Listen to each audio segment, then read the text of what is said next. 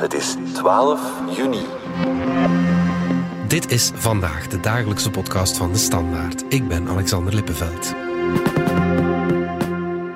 Voor we aan de podcast beginnen, nog even deze boodschap. Want de Standaard heeft een gloednieuwe nieuwsapp. Wil je meer verhalen achter de feiten, betrouwbare informatie, maar ook inspiratie?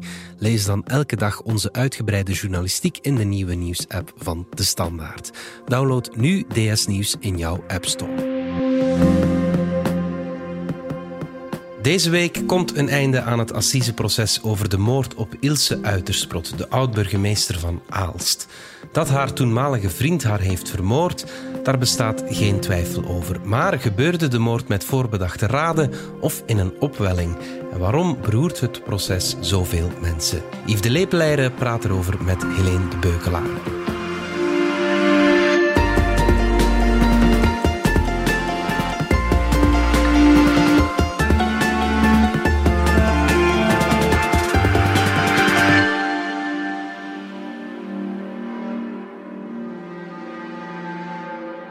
Het is, het is verschrikkelijk. Ik vind het verschrikkelijk. Ik ben enorm geschrokken, eh, enorm geschrokken. We wisten zelfs niet dat ze hier iemand had. Blijkbaar had ze hier een nieuwe vriend. Eh, maar eh, ja, dat, ja, zoiets wens je niemand toe, hè. uiteraard niet. Dus eh, ja, ja, we zijn, ik, eigenlijk heb er nog kou van, uh, koudelingen van. eh. 53 jaar. Dat is jong, hè. En op die manier, dat keer zo een beetje een euro. Ons Ilse. Onze liefste zoon zit het, ja. Ja, ja. En altijd vriendelijk en lachen en plezant. Ze was plezant, hè. Een goede burgemeester. Altijd geweest, lag goed. Ook bij de, carnaval, bij de carnavalisten. Was een goede vrouw. Helene de Beukelaar van onze binnenlandredactie, welkom. Dank u. We hoorden daarnet enkele Aalstenaars voor de camera van de VRT vlak nadat het nieuws over de moord op Ilse Uitersprot eh, bekend was geraakt. We nemen nu deze podcast op, letterlijk met zicht op het gerechtsgebouw in Gent, waar jij de hele week het assiseproces hebt gevolgd over eh, die zaak. Buiten schijnt de zon, maar daarbinnen neem ik aan regende het emoties. Ja, dat kan je wel zeggen. Het is natuurlijk een heel moeilijke zaak, met heel veel moeilijke details die na- naar boven komen over een figuur dat zeer geliefd eh, was. En nog steeds is, hè, trouwens. Maar ik moet wel zeggen dat het uiteindelijk al bij al zeer sereen verloopt. De familie die elke dag in de rechtbank daar aanwezig is, ja, stellen zich heel ingetogen op. De beklaagde op het proces is Jurgen D., de toenmalige vriend van Uitersprot. Deze week weten we welke straf hij zal krijgen. Hè? Weten we wanneer precies? Het zal maandag, misschien laatavond zijn. En anders zal het dinsdag of misschien zelfs woensdag zijn. We weten het nog niet zo goed. Uh, de pleidooien zullen vandaag starten, want deze podcast komt op maandag uit. Het hangt er een beetje vanaf uh, hoe hard dat de advocaten van de beklaagde en de burgerlijke partijen zullen gaan. Ja, en dan moet de jury in beraad gaan en eerst de schuldvraag beantwoorden en dan de strafmaat. Klopt. Ja. Maar dat hij schuldig is, daar bestaat toch geen enkele twijfel over. Nee, zeker niet. Hij is zichzelf gaan aandienen. Hè. Die bewuste ochtend, 4 augustus 2020, is hij zelf komen aankloppen bij de politie. En heeft hij gezegd, ik heb daar juist mijn vriendin vermoord. Daar zijn beelden van, hè. En dat is met een soort laissez-faire gedaan, alsof dat er helemaal niets aan de hand is. Alsof het een fait divers was. Ja, ja, zo heeft de agent die toen aan het onthaal stond het echt omschreven. Het was mm -hmm. alsof dat hij het verlies van zijn identiteitskaart kwam melden. Ja. Hij staat nu terecht voor moord met voorbedachte raden, maar dat is wel de inzet van het proces. Was het effectief met voorbedachte raden of was het in een opwelling? Ja, dat is zeer belangrijk voor de strafmaat. Hè. Uh, moord met voorbedachte raden is levenslang. Doodslag is een stuk minder, 30 jaar, zoiets. Hangt er nog altijd vanaf van omstandigheden. Mm. En het is duidelijk dat de verdediging daarop zal pleiten. Dat hebben ze van begin af aan duidelijk gemaakt. Neem ons eerst even mee terug naar die 4 augustus 2020. Wat weten we zeker over wat er toen is gebeurd? Er zijn een aantal dingen die. Dus ik hou mij nu aan wat we hebben gehoord van de onderzoekers, de speurders, de experts. Ja. Wat we zeker weten. Hè. We weten zeker dat Ilse Uiterspot vermoord is met een hamer. Mm -hmm. Dat ze zes slagen heeft gekregen op haar slaap haar hoofd en ze lag nog in bed. Ze was waarschijnlijk nog aan het slapen. Wat weten we nog? De wekker in haar gsm is die ochtend afgegaan. En die is op snoes geduwd door iemand. En die is dan de rest van die dag nog blijven afgaan, totdat uiteindelijk in de namiddag de speurders die hebben afgezet. Wat weten we ook? De gsm van de beklaagde is om 8 uur 23 s ochtends uitgezet. Om 8 uur 29 was hij bij de politie. Volgens zijn verklaringen is haar gsm s ochtends afgegaan, rond 8 uur, 8 uur 15. En heeft zij op snoes geduwd. En ze heeft toen diep gezucht. En hij is toen getriggerd geraakt, zoals hij het vertelt.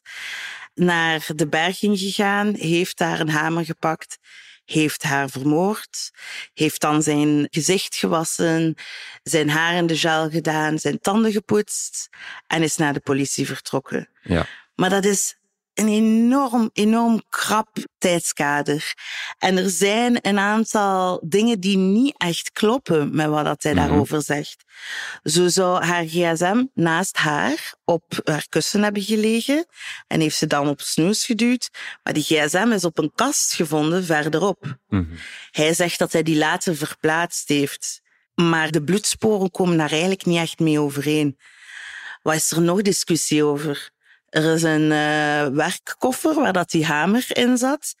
Hij zegt dat hij in de berging stond naast de slaapkamer, dus echt vlak naast hem. Maar andere mensen die in dat huis zijn geweest zeggen, ah, dat stond veel verder. En dat is allemaal belangrijk in de zin, dat is niet echt superbelangrijk, maar voor hem is dat belangrijk, omdat hij zo probeert een verschil te maken tussen voorbedachte raden en die plotse opwelling. Maar het is belangrijk om te weten dat voorbedachte raden, dat kan op twee, drie seconden verschillen. Dat kan heel plots zijn. En dus is nog maar de vraag in hoeverre dat die discrepanties en dat verhaal dat hij ophangt eigenlijk tellen. Wat Ja, weten we ja. zeker? Ze is die ochtend vermoord door hem, met een hamer, van hem. Ja. Daar komt het op neer.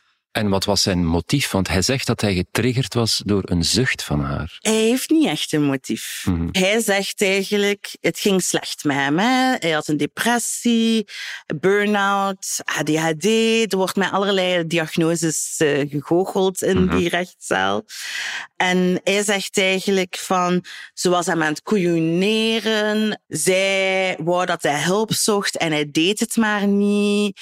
Zij vond dat hij zich recht moest houden. Dat zij als publieke figuur niet naar buiten kon komen met zo'n lastige kerel. Maar alle verklaringen, alle berichten tussen hen twee, die wij gezien hebben, alle getuigenverklaringen wijzen op een heel ander verhaal. Ja.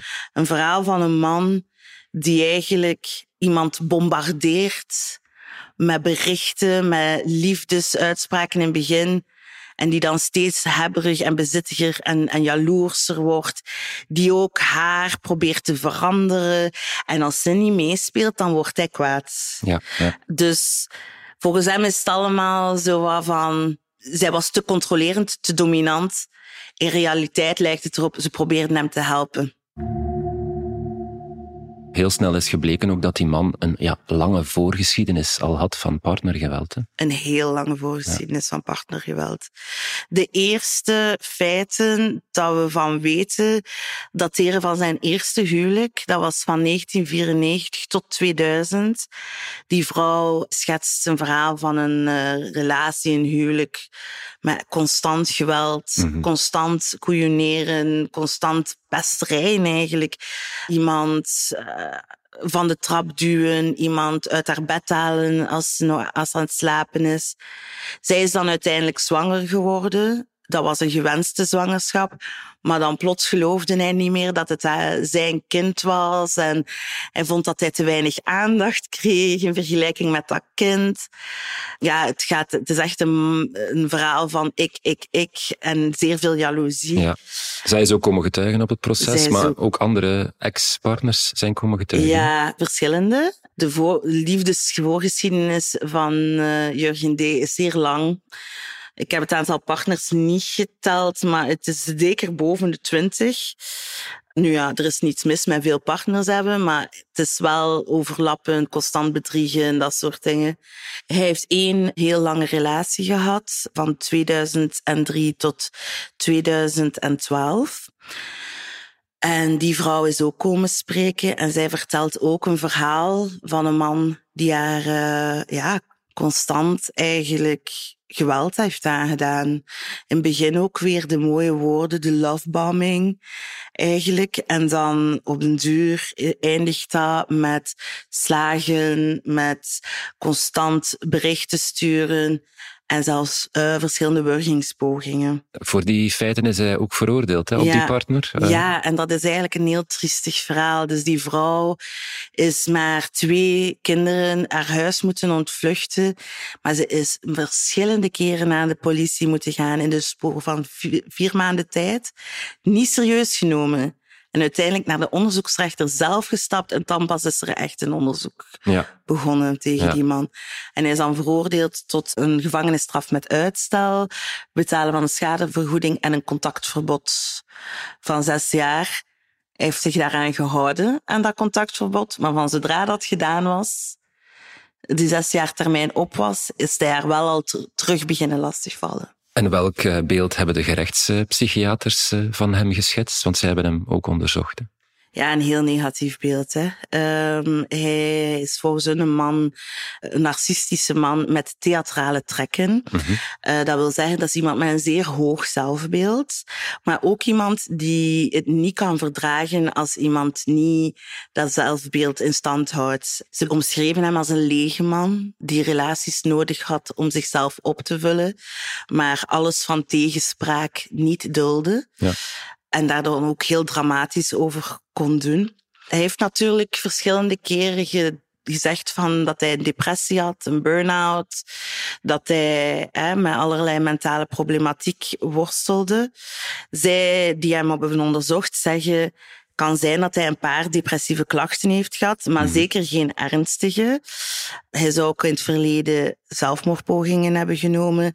Maar zelfs dat wordt door mensen die daar toen der tijd bij waren, een beetje in twijfel getrokken als meer iets van uh, aandachtstrekkerij. Ja. Of een straf eigenlijk voor de mensen rondom hem die hem niet luist, naar hem luisterde. En je ziet het ook in de getuigenissen van zijn exen, is dat hij die depressie, die zelfmoordgedachten die hij zei te hebben, eigenlijk gebruikte een beetje als een tactiek om die vrouwen aan hem te binden. En ervoor te zorgen dat ze hem niet, uh, ja. niet verlieten eigenlijk. Ja. En wat was dan de conclusie van die gerechtspsychiaters? De conclusie is heel streng. Hij worstelt niet met een of andere geestesziekte of met een of andere beperking om de realiteit juist in te schatten. Hij heeft perfecte impulscontrole. Hij kan zichzelf inhouden. Ja. Zij zeggen hij heeft een beslissing genomen en hij heeft erop gehandeld. Dus dat kan dan wijzen op moord met voorbedachte raden. Exact. Ja, je zei dat hij een theatrale persoonlijkheid heeft en zo. Hoe heeft hij zich de voorbije week op het eh, proces gedragen? Wat, wat heb je daar gezien? Ja, ik hou hem heel graag in de gaten. Hè. Het is mm -hmm. echt fascinerend om te zien. Hij houdt zijn blik altijd zo een beetje naar beneden gericht. Zo wat geforceerd, zo, ja. Ik kan het niet anders uitleggen. En dan uh, knikt hij altijd heel mee of schudt hij heel duidelijk uh, nee als hij niet akkoord is met wat iets aan een getuige zegt. Als hij wil spreken, dan spreekt hij ook. Mm -hmm. En hij spreekt zeer vlot. En hij is, uh, op een gegeven moment is hij ook heel hard uitgevallen. Dat was een getuigenis van een vriendin van Ilse Uiterspot. Dat ging over iets dat in het verleden was gebeurd. En dan zei het hij drinkt er nog eentje. Alsof dat die vrouw een alcoholiekster zou zijn of zo. Waar dat, voor de duidelijkheid, hè, geen enkele aanwijzing voor is. Een zeer bittere uitval mm -hmm. uh, naar een vrouw. Zeer ongepast, zeker. Ja, ja. Straks kijken we ook nog eens in onze eigen ziel en vragen we ons af waarom dit proces ons allemaal zo hard beroert. Maar eerst gaan we even uit voor reclame. Terrasjes weer. Dat is een podcast in mijn oren, een super 8 rouge in mijn hand. Ja, en waarschijnlijk met een decolleté weer goed verbrand. Super 8. Lekker onverwacht. Helene, terug naar het assiseproces. Daar hebben de voorbije week ook familieleden en eh, vrienden van Ilse Uitersprot het woord genomen. Wat is jou daarvan bijgebleven? Ja, het is natuurlijk uh, enorm emotioneel. Hè? Die mensen... Het is duidelijk dat het verlies van Ilse Uiterspot een groot gat heeft gelaten in die mm. mensen hun levens. Ilse Uiterspot was de moeder van twee zonen. Ze was ook een dochter en haar moeder woonde vlak naast haar en ze hadden een heel nauwe band. Ze was ook een co-moeder met haar ex, haar eerste huwelijk.